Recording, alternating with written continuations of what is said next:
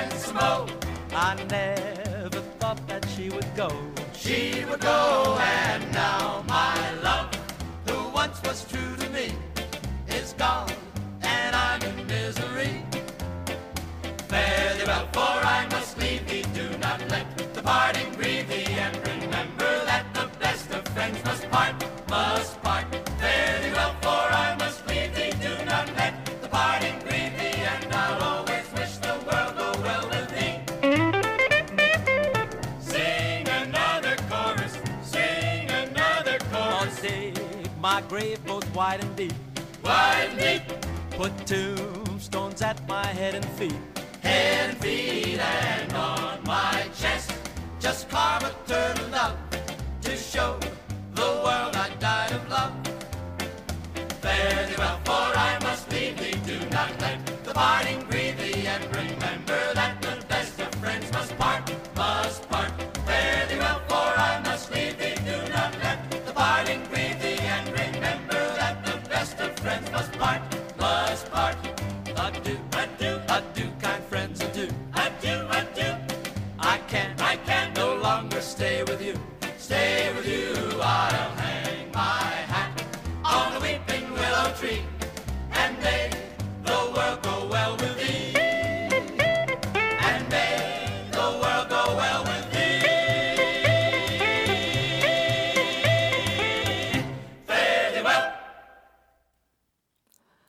Komiði sæl.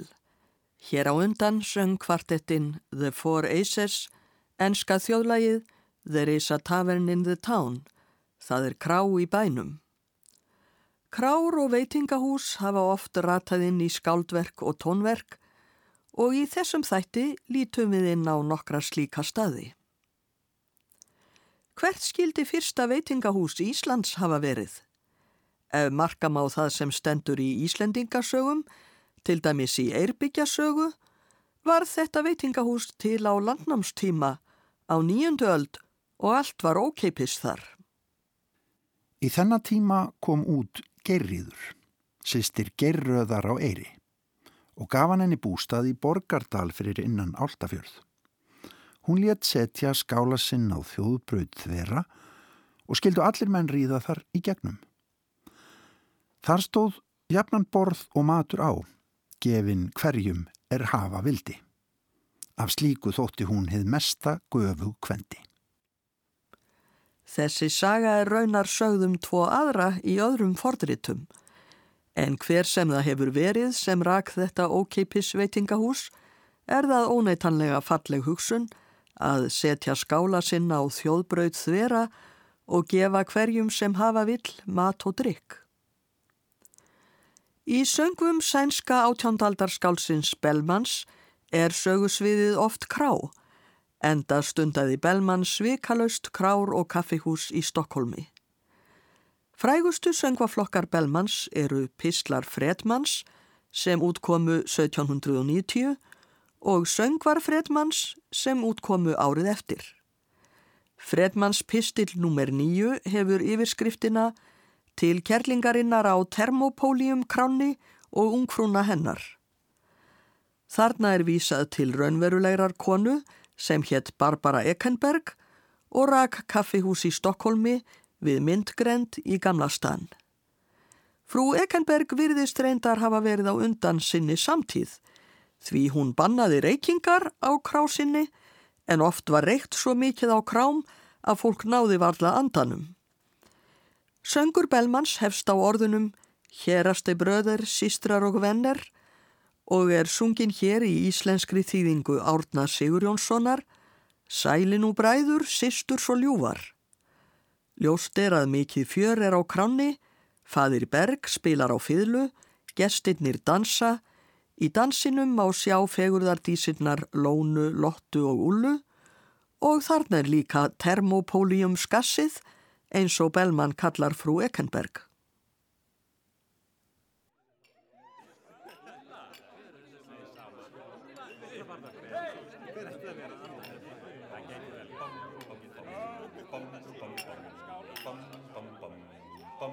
Sælin og bræður sístur svo ljúa sjá Föðuber sem þenur og skrúar fyluna Strengi stríða og strekki sín boga fljótt Einegður kappinnur er á nefi ofan á skrúfur Makar hans nefi bjórin á stón skal býða Nú byrjar hann ofur fljótt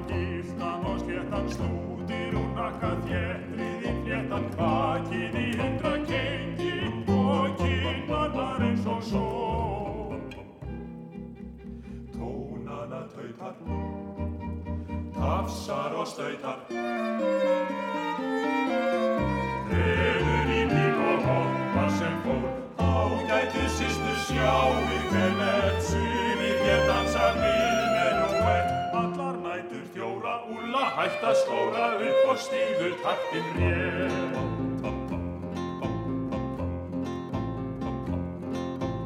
Sjá fyrir þar í nátt slái flottu síður og gingul og dansar við lottur hlývar á skónum nýttu og hárkottan rauð og lit.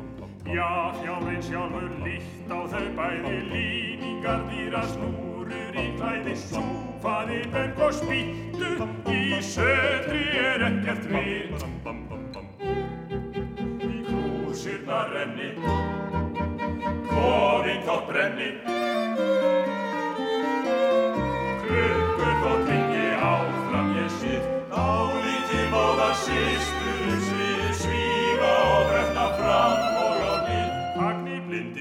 blindir sælir fyllarinn Nú ælir frussast um með hljóðfæri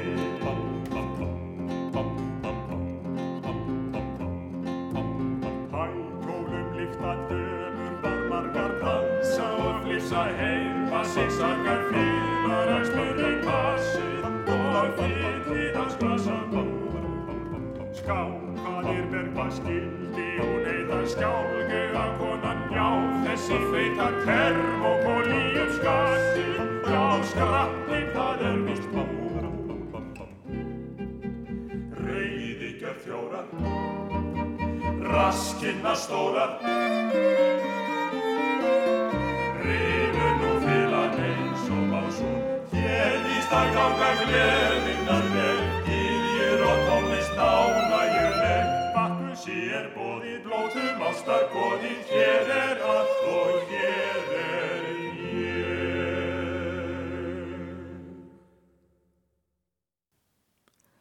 Þetta var söngurinn Sælin og bræður, Héraste bröður, teksti eftir Karl Mikael Bellmann í þýðingu eftir Árna Sigurjónsson. Lagið er raunar ekki eftir Bellmann, þarna notaði skáldið sér lag eftir Jóhann Helmich Róman. Nikos Platirachos útsetti lagið, kvartettinn út í vorið söng, en hljóðfæraleikarar voru Gerður Gunnarsdóttir, Claudio Puntín, Rolf Max og Martin Vind. Bellman kom á fleiri krári í Stokkólmi en þá sem nefnd er í þessum söng. Meðal annars söng hann vísur sínar á veitingahúsi sem enn má finna í Stokkólmi og heitir Den Gyllene Freðin eða Gildi Friðurinn, stopnað 1721. Þetta veitingahús er ekki aðeins sögufrækt vegna Bellmans. Fleiri fræg söngvaskált hafa verið heimagangar þar svo sem yfir tóp á 20 stöld. Í söngnum Portugís lýsir tóp því hvernig vinur hans, Karl Adolf Longström, kallaður Kalle Long, dansar portugalskan dans af svo miklu fjöri að glösin og flöskurnar glamra á borðunum á gildafriðnum og gaflannir fara hoppa. Að lokum rekur Kalli sig á framreilsustúlku með bakka, svo glös fari gólfið og möll brotna En Kalli lætur það ekki stöðva sig, heldur dansar eins og óður maður innan um glerbrotin á golfinu. Það er Evert Tóp sjálfur sem syngur, hljóðritun frá 1928.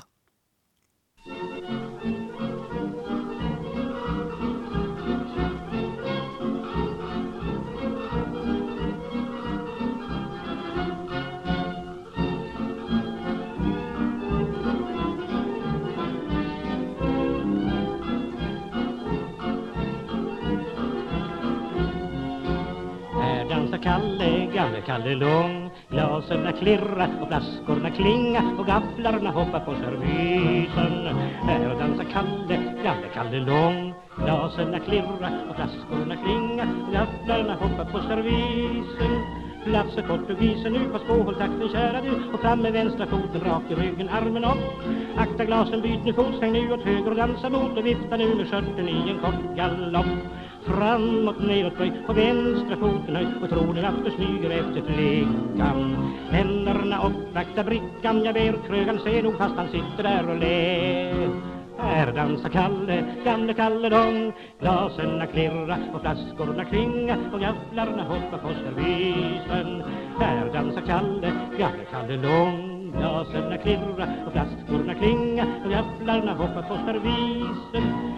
Där gick glaset knall och fall, se Kalle dansa på kristall Hur ska väl detta sluta sig? Han faller i extas Ser för sina ögon nu en vacker portugisisk fru. Nu dansar han i Lissabon på stort kalas Ser markiserna bland portugiserna Och hör på kastanjett och mandoliner Ack vilken ståt, vilka miner Jag tror du är stor ut i Portugal min bror här dansar Kalle lång Glasen klirra och flaskorna klinga Och gafflarna hoppar på servisen. Här dansar Kalle, gamle Kalle lång Glasen klirra och flaskorna klinga Och gafflarna hoppar på servisen.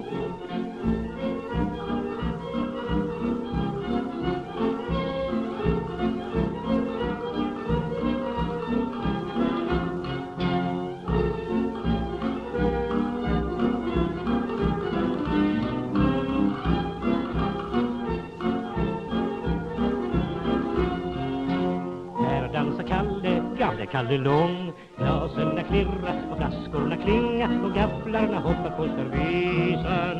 Här dansar Kalle, gamle Kalle Lång Glasen klirra och flaskorna klinga och gafflarna hoppar på servisen. Evert Taube söng lag sitt og ljóð Portugís hljóðritun frá árinu 1928 Óperuatriði gerast ósjaldan á krám eða veitingahúsum og við heyrum nú atriði úr óperunni Ævintýri Hoffmanns eftir Jacques Offenbach. Atriðið gerist á kráni Nürnberg ámunni við hlýðina á helsta leikhúsi borgarinnar. Kráarhaldarinn Luther skipar fólki sínu að hafa allt tilbúið, það er hlið í leikhúsinu og þá er venjan að kráin fyllist af fólki og það er eins og við mannin mælt, inn streymir hópur af stúdentum sem heimta bjór og vín með miklum látum. Stúdentarnir stríða Lúter gamla með söngnum Lúter er tán bravomu, Lúter er merkis maður. Viðlægið er Týrulan leru, Týrulan la, sem merkir bara tralala. Við og við heyrist í Lúter sem er önnum kafin við að útbýta glösum. Cette salle, le premier acte de Don Juan va finir.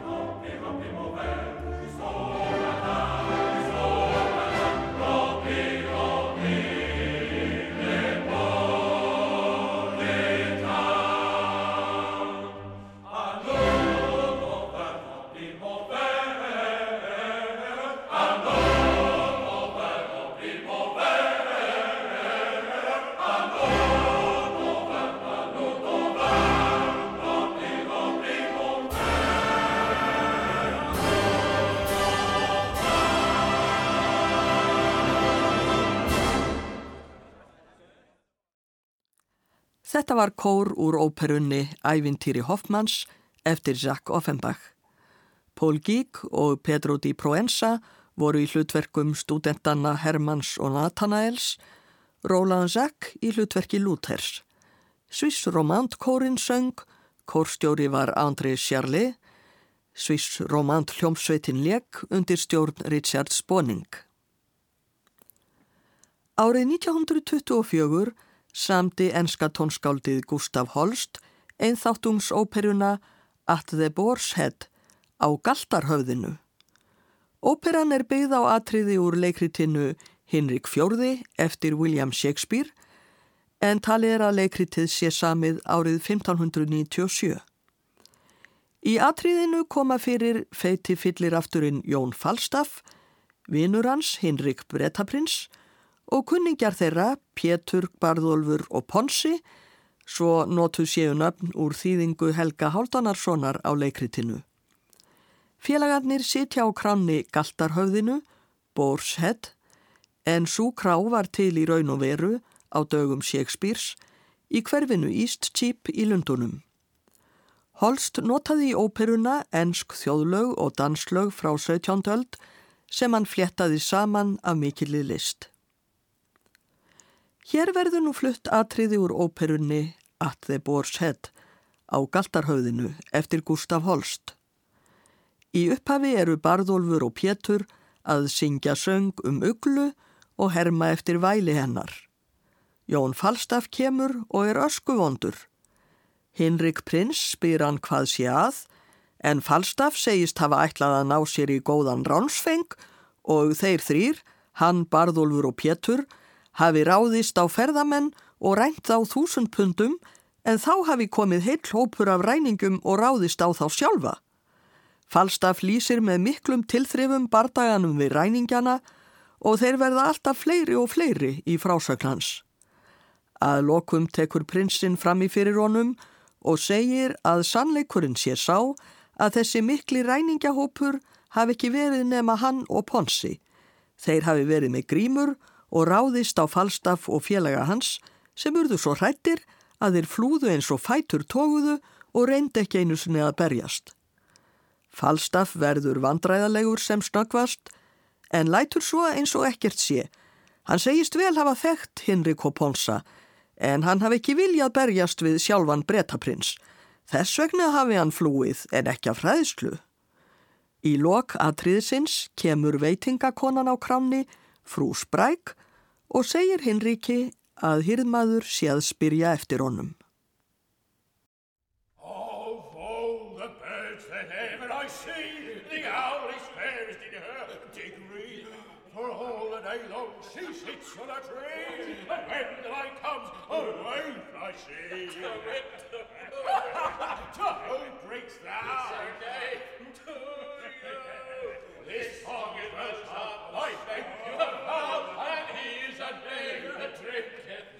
Of all the birds that ever I see, the owl is fairest in her degree.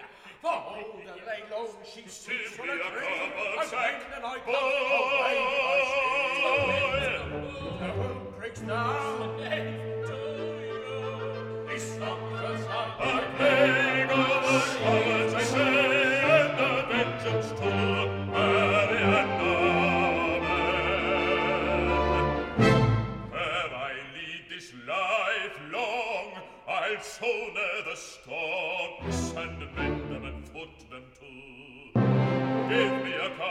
sack. rogue. Give me Rome is then on sack to extant. Give me a cup of sack. Give me a cup of sack. A plague of all cowards, I say, and a vengeance to Mariander. A plague of all cowards, I say, and a vengeance to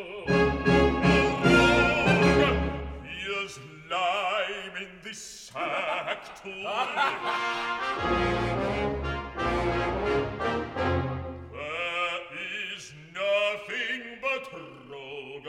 to be found in villainous man. Yet a coward is worse than a cup of sack with lime in it, a villainous coward. Go thy ways, O Jack,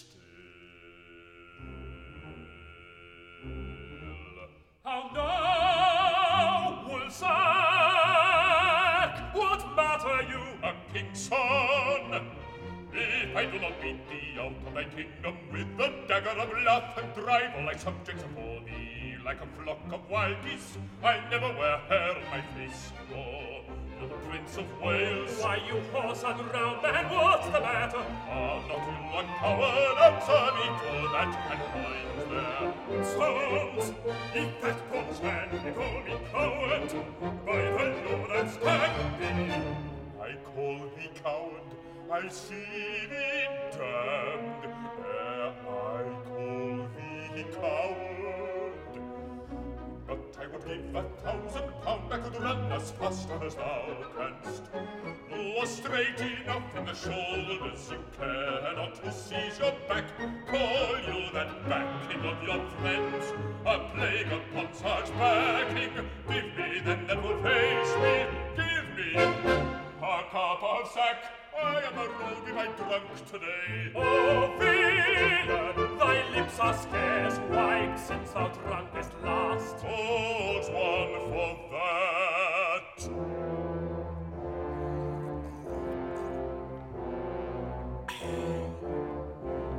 a plague of all cowards still say I. What's the matter? What's the matter? Sir, before all of us here have taken a thousand pound this day morning. Where is it, Jack? Where is it? Where is it? Taken from us it is a hundred upon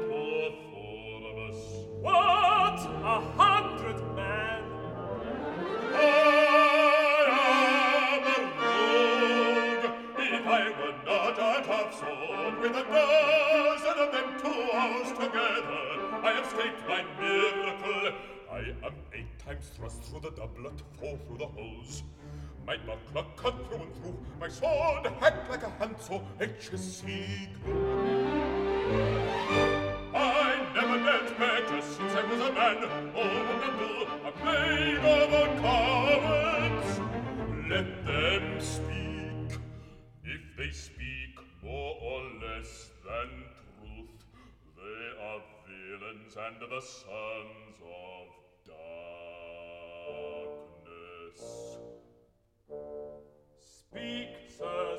was it?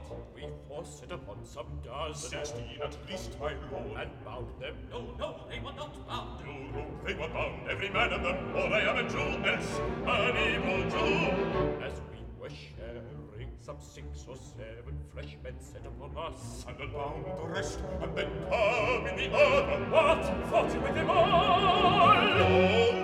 I know not what you call all, but if I thought not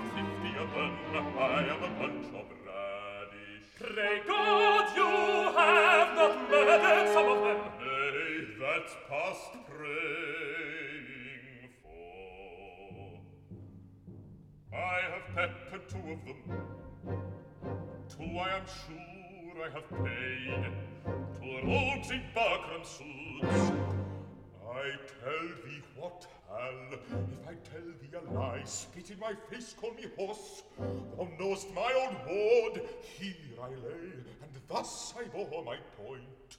Four rogues in buckram let drive at me. What? Four? Thou saidst but two even now. Four, hell, I told thee four. Aye, aye, he said four. These four came all affront, endlich frostet hell, ein wenig o'er and over took all the seven points in my target gun. Seven? Why, there were but four even now. In Buckram I fall in Buckram. Seven by these hills, or I am a villain villainess. Prithee, let him alone, we shall have more anon. Dost thou hear me, Hal? Aye, and mark thee to Jack. Do so, for it is worth the listening to. These nine in Buckram that I told So tomorrow the curtain broken. Began to finish to ground But i thought it was gain of thunder and with a cold shadow me lamentations the leve path the ground up as whatever would have it free is begotten name but my back Niemand mein Wankeln entreibet me.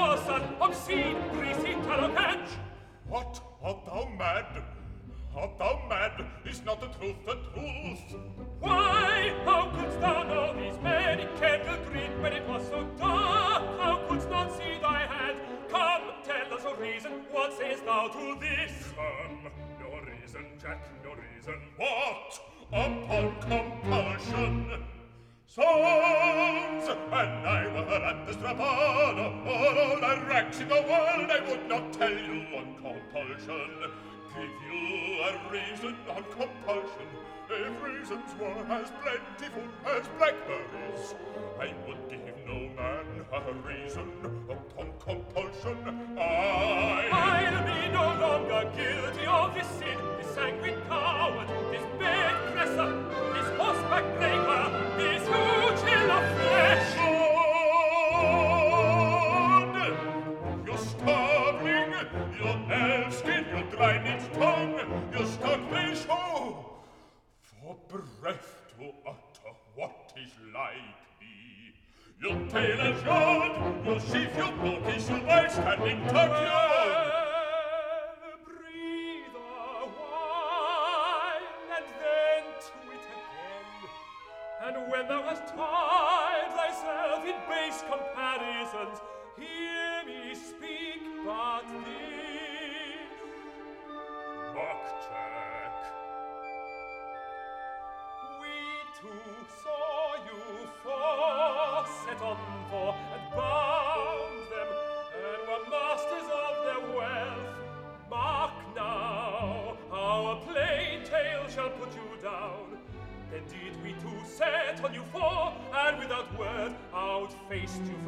prize, and have it, yea, could show it you here in this house.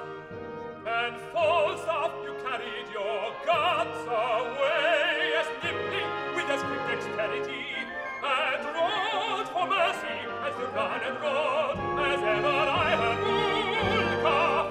What a slave art thou to hack thy sword as thou hast done, and then say it was in fight, what trick, what device, what starting hold,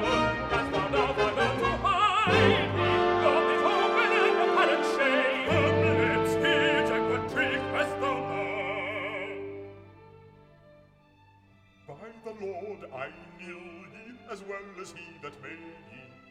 Why hear you, my masters? Was it for me to kill the heir apparent? Should I turn upon the true prince? Why, thou knowest I am as valiant as Hercules, but beware instinct. The lion will not touch the true prince. Instinct is a great matter. I was now a coward on instinct. I should think the better of myself and be true in my life. I for a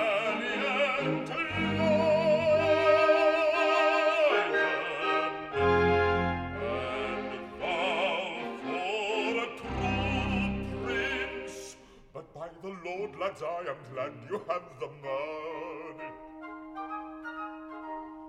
Hostess, clap to the doors, watch tonight, play tomorrow. Gallants, lads, boys, hearts of gold, all the titles of good fellowship come. What? Shall we be merry? Shall we have a play? Extempore. Content, and the argument shall be thy running away. No more of that, Hal, and thou lovest me.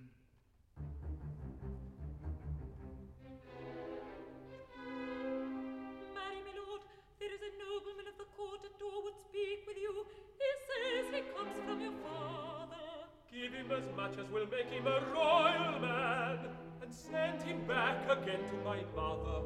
What manner of man is he? An old man. What doth gravity out of his bed at midnight? Shall I give him his answer? Pretty do, Jack. Faith, and I'll send him packing.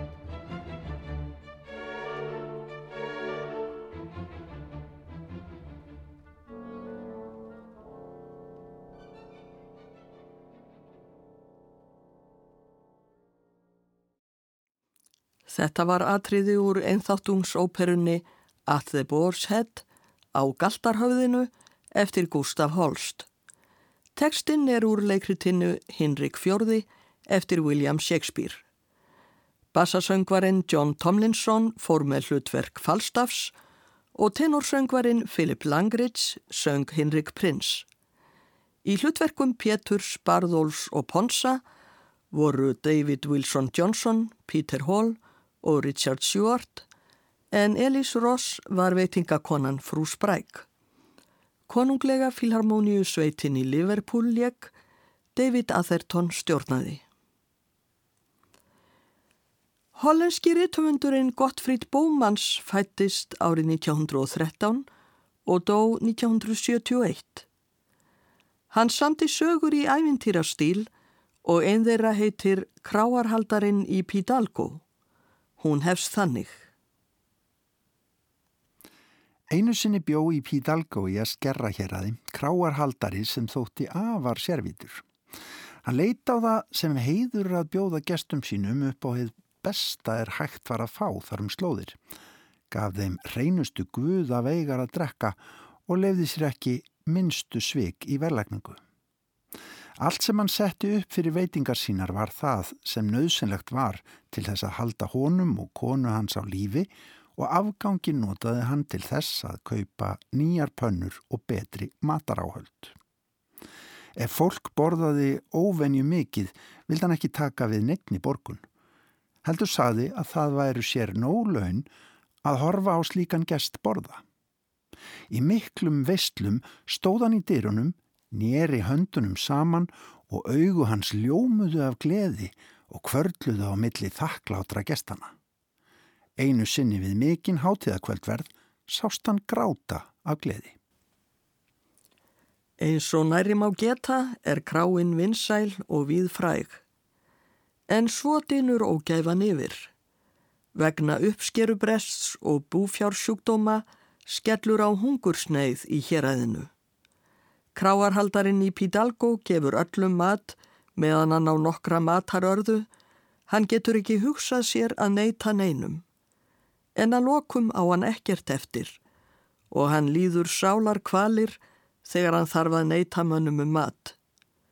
Verst finnst honum þó þegar fólk hættir jafnvel að spyrja hvort hann eigi nokkuð til, heldur gengur tómlega fram hjá kráni. Hann situr fyrir utan krána eins og dæmdur maður og horfir á fólk fara hjá. Þá gerðist að daga nokkur að vagn sem sex kvítir hestar dróu staðnæmdist fyrir utan krána.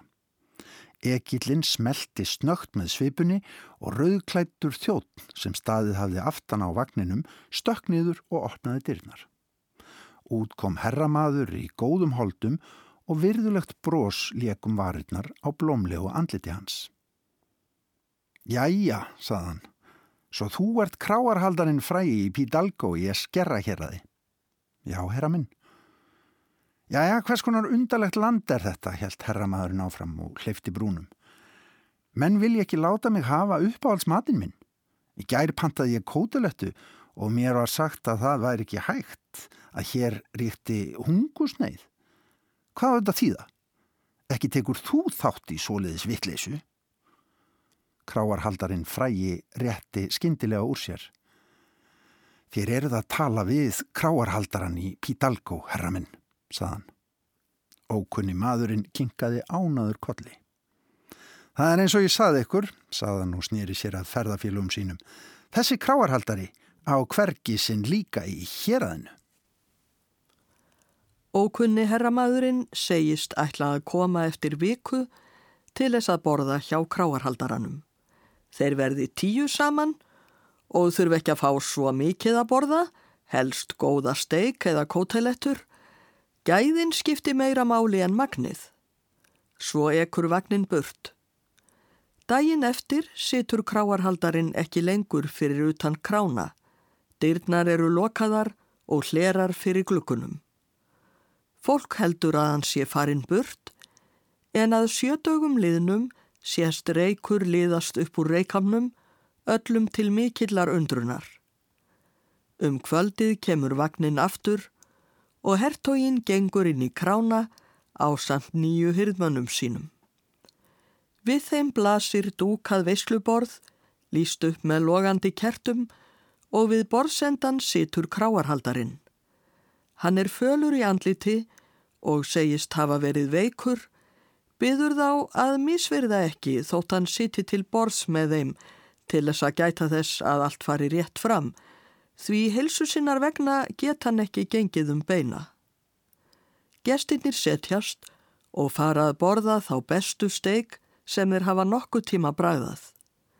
Hertógin er stór hrifin og segir að jafnvel hinn ágæti matsvein sem hann hafi við hýrð sína hefði ekki getað eldað svona góða steik.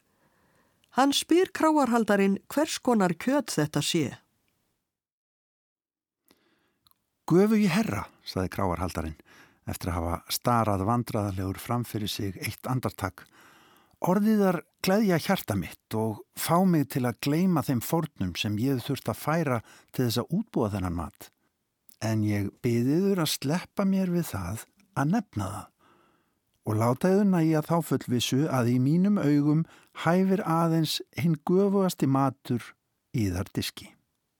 Vel mælt, saði hertóin og brosti. Hver kokkur hefur sín leindarmál? Herra mínir, vil einhver eitthvað taka upp servétturringin minn sem hefur dottið undir borðið?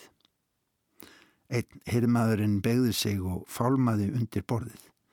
Eftir smá stund byrtist hann aftur og andlitans var nákvít. Hvað er að, Rodríguez? spurði hertóinn kurteislega. Sástu vofu? Nei, herra minn. Trefót. Þetta var síðasta máltíðin sem kráarhaldarinn í Pítalgó útbjó. Hann dó skömmu síðar og var jarðaður í Las Casas skamt frá Kordofu.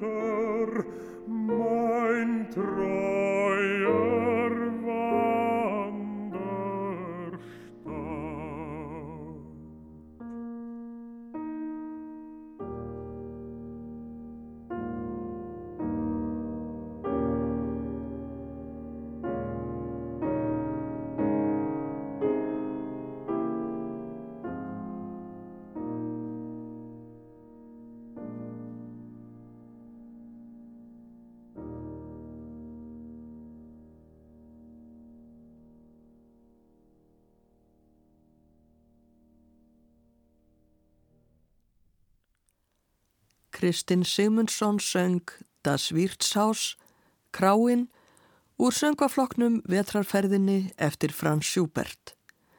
Jónas Ingemundarsson lék á piano. Ljóðið var eftir Vilhelm Müller og hér var ekki sungið um venjulega krá. Ferðalangurinn í ljóðinu er stattur í kirkjugarði og sveigarnir á gröfunum minnan á kráarskildi. Þar á undan voru lesin loksögunar Kráarhaldarinn í Pídalgo eftir Gottfríd Bómans. Þessum þætti líkur með kvæðinu um byggarinn, Das Lied vom Kelch, úr leikritinu Sveik í síðari heimstyrjöldinni eftir Bertolt Brecht. Leikritið er samið árið 1943 og gerist að nokkru leiti á kranni Byggarnum í Prag. Það er veitingakonan á kranni, frú Kopetska, sem syngur kvæðið um Byggarinn. Þórarinn Eldjárn hefur þýtt kvæðið yfir á íslensku. Gætt í bæin, gestur minn, gef ég þér á diskin, súpu og fleski í svangin þinn, síðan moldárfiskin. Fæðið hér er fyrirtak, fylgir með því skjól og þakk, þig sem mann við metum hér, margan heiður sínum þér, aðeins átta krónur. Engin vottorð vil ég þó, veg tillurnar skaða, að þú sért með nef er nóg, nú skalt í þig raða. Vinalegur veraskalt, varast spott og gaspur allt, bræðað ost við bjórin þinn, bóðinn ertu velkomin, einnig áttakrónur. Engver tíma eigum við, út úr veðri hörðu, heimilist þá hljótum frið hér á mannajörðu. Allir menn fá upprist þá, engin verður settur hjá. Hér mun finnast húsaskjól handa þeim sem áður kól. Eins með áttakrónur. Það er tónlistardúóið Scarlett O og Jürgen Ele sem flytur Das Lied vom Kelch, hvæðið um byggarinn, lag eftir Hans Æsler við ljóð eftir Bertolt Brecht. Ég þakka hlustendum samfélgina, verði sæl.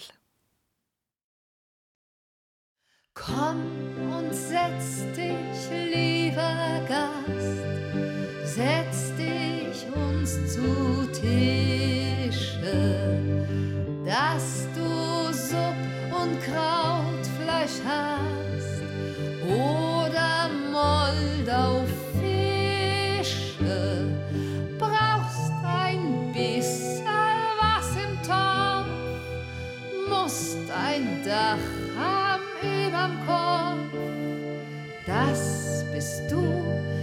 Mensch uns wert, sei geduldet und geehrt.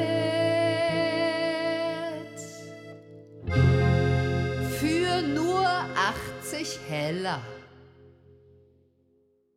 Referenzen brauchst du nicht, Ehre bringt nur Schaden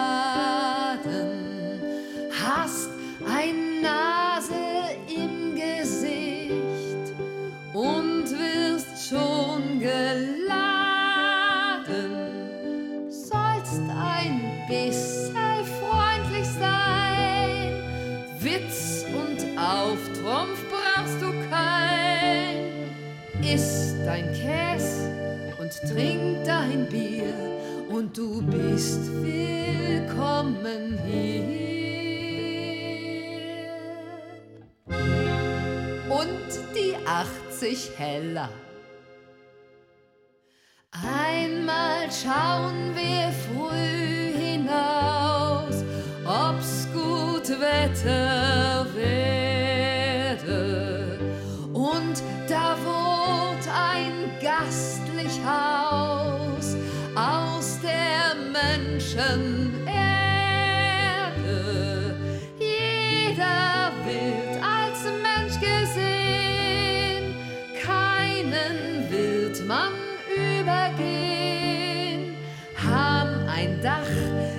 Schnee und Wind, weil wir arg verfroren sind.